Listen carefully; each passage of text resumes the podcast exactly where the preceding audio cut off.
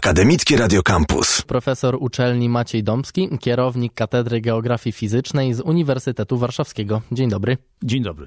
Chcemy dzisiaj porozmawiać na temat e, badań, które Pan e, razem ze swoim zespołem realizuje. Te badania są finansowane przez Narodowe Centrum e, Nauki i mają nazwę, która mi mało co mówi. Mikrowietrzenie i charakterystyki spektralne powierzchni skalnych na przedpolach lodowców. No to wyjaśnijmy, co to w ogóle znaczy.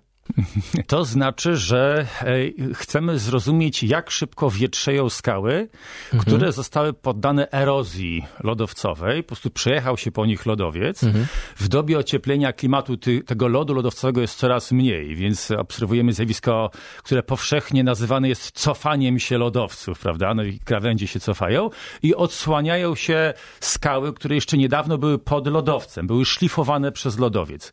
I zaczyna tykać zegar wietrzeniowy przestrzeniowy, atmosfera zaczyna oddziaływać na te skały i zaczyna je w skali mikro, prawda, kruszyć, czyli po prostu mhm. procesy wietrzeniowe.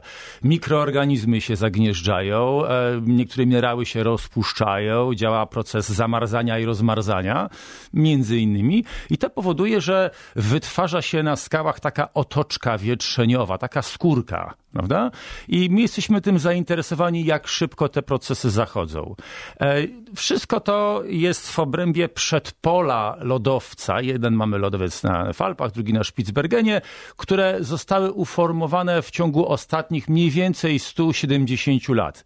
Więc jak na skalę czasową jest to mgnienie oka. Mhm. Jaki jest cel tych badań? Czy to są badania takie dla geografów, dla, dla osób, które są w tym temacie, czy one mogą mogą jakiejś szerszej publiczności na przykład coś, coś powiedzieć, mhm. na przykład w jak, pomóc w walce z tym ociepleniem, które dzisiaj obserwujemy? Tak, znaczy są to oczywiście, to są badania przede wszystkim podstawowe. Chcemy zrozumieć dynamikę procesu, takiego no trochę geologicznego, tak? Mhm. Z zahaczeniem ogólnie o geografię fizyczną. Natomiast można pewne, pewne powiązania do...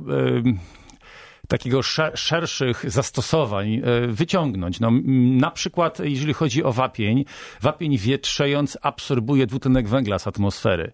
Więc e, też jest taka metoda zmniejszenia czy też ograniczenia stężenia dwutlenku węgla, czyli tego, co nam napędza efekt cieplarniany, poprzez na przykład zwiększenie wietrzenia wapieni. Mhm. Więc e, mamy jedno przedpole w Alpach, w masywie Dachstein, które jest jakby wypreparowane w skałach wapiennych, więc troszeczkę tutaj e, jest ten, e, prawda, link do tego, o czym się teraz mówi, czyli o, o globalnym ociepleniu, a zresztą tak naprawdę my badamy efekty tego ocieplenia tak? Mhm. Czyli de facto badamy, jak szybko cofają się lodowce e, i odsłaniają się moreny, żeby widzieć, jak szybko trzeba umieć datować te formy rzeźby odsłonięte. Mhm. I nasze badania próbują dostarczyć jakiś taki kamyczek do tego ogródka metod datowania względnego, żeby zrozumieć, co było najpierw, co później.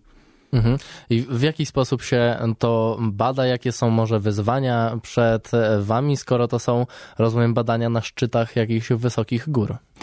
Tak, więc e, w naszym zespole badawczym, no, ja jestem liderem tego projektu, mam doktoranta Irka Badurę, ale mamy też e, osoby, które z nami współpracują i na razie żeśmy wykonali badania w masywie Dachstein, gdzieś tam wysoko w Alpach, na wysokości od 1900 do, do 2300. I tak jak powiedziałem, to jest masyw wapienny. I lodowiec Hallstatter kurczy się, odsłaniając e, swoje przedpole. Natomiast w sezonie, który nadchodzi, w lipcu tego roku, wybieramy się na Spitsbergen w rejonie Nowego Alesundu i będziemy tam badać przedpole lodowca Mitre Lovenbren.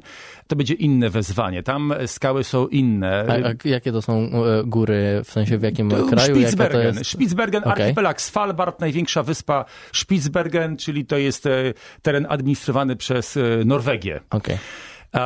Więc e, tam będzie wyzwanie nieco inne, bo inny rodzaj skał, e, nie trzeba będzie tak wysoko z tym sprzętem ciężkim się wspinać, z tymi spektrometrami. Mamy tam jeszcze dron, duży dron z ciężkimi bateriami. E, mhm. Natomiast logistyka polega na tym, że trzeba tam dolecieć, więc najpierw lecimy samolotem do Longyearbyen, a potem małym takim samolocikiem 14-osobowym dalej do Nowego Alesundu i potem trzeba będzie ten sprzęt nosić, ale już po płaskim terenie. Powiedzieliśmy o badaniach, które między innymi pan realizuje razem z doktorantem i innymi członkami zespołu badawczego. A może porozmawiajmy teraz też o Wydziale Geografii. Co oprócz tego na Wydziale Geografii Uniwersytetu się dzieje? Mhm. Wydział Geografii realizuje badania naukowe w dwóch e, dyscyplinach. Pierwsze to jest geografia społeczno-ekonomiczna i gospodarka przestrzenna. Powiedziałem pierwsza, dlatego że ona, e, większość pracowników e, właśnie realizuje badania na, na tym obszarze, mhm. ale mamy też prężnie działającą grupę geografów fizycznych, którzy no, przede wszystkim pracują naukowo w ramach dyscypliny, która się nazywa nauki o ziemi i środowisku.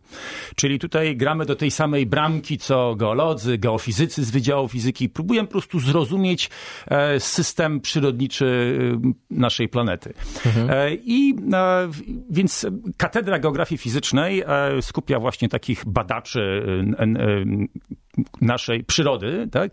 ożywionej i nieożywionej. Więc badamy zarówno zbiorowiska roślinne, gleby, jak i litosferę, czyli jak powstają formy rzeźby, jakie procesy do tego doprowadzają, jak szybko w dobie zmian klimatu przeobraża się nasz krajobraz. Mhm. Badamy klimat, e, warunki meteorologiczne, tak? Uczymy studentów, jak wykonywać pomiary, jak potem e, komunikować je e, w społeczeństwie. Badamy obieg wody, czyli wzlewnie, jak, jak krąży woda w rzekach, w jeziorach, co się dzieje pod ziemią z wodami gruntowymi, prawda? Mhm. To są niezwykłe, niezwykle ważne rzeczy, które mają przełożenie no, bezpośrednie na gospodarowanie tymi zasobami przyrodniczymi, tak? E, absolwenci po naszym e, kierunku mogą pracować w Instytucie Meteorologii Gospodarki Wodnej, w Państwowym Instytucie Geologicznym, mogą też podjąć pracę w firmach, które zajmują się pozyskiwaniem danych geoprzestrzennych czy obrazów satelitarnych y, z drona, obrazowanie lidarowe i wykonywanie produktów na potrzeby różnych innych firm, tak? Opracowujemy te dane w, w GIS-ie, czyli y, taki, to jest rodzina programów komputerowych, które służą do, ogólnie rzecz biorąc, do produkcji map, tak? Naj, mhm. Najogólniej rzecz biorąc. E, ale także nasi absolwenci znajdują zatrudnienie w firmach turystycznych, prawda, w edukacji na różnych szczeblach, czy też oczywiście idą dalej drogą e, kariery naukowej. Mhm. E, brzmi to jak e, kierunek, który nie będzie tylko siedział w Warszawie na, na wydziale, ale też jakby studenci mieli dużo jakichś różnych wyjazdów na różne plenery. Tak jest. I to jest, to jest coś, czym się, czym się szczycimy i co wydaje się jest chyba bardzo fajne dla młodego człowieka. Mhm. Więc możliwość realizowania, realizowania pracy dyplomowej, czy to na etapie licencjatu, czy to może bardziej na etapie pracy magisterskiej, bo licencjat to tylko trzy lata, trochę, trochę krótki czas. W przepięknych, e, w przepięknym otoczeniu. Czy na łące mazowieckiej, proszę mhm. bardzo, mamy takie tematy, czy właśnie gdzieś tam w piętrze alpejskim w masywie Dachstein, czy, czy, czy w innych górach typu Pamir, prawda? To, to zależy od, od inwencji studenta i od e, też może inwencji opiekuna. W krajach arktycznych, e, czy też nawet można robić badania w obrębie Antarktyki. Przecież mamy bazę Polska jest e, członkiem Układu Antarktycznego mhm. i e, jakiś tam dostęp do Wyspy Króla Jerzego też mamy, prawda? Mhm. Więc, więc mamy naszych Zresztą e, absolwentów, którzy tam chyba prowadzili jest badania. rozwijana teraz, prawda? Słucham? Tak, ta, jest rozwijana. No, nowy budynek jest budowany właśnie na Wyspie Króla Jerzego. Wysp, stacja imienia Henryka Arstowskiego. Mhm.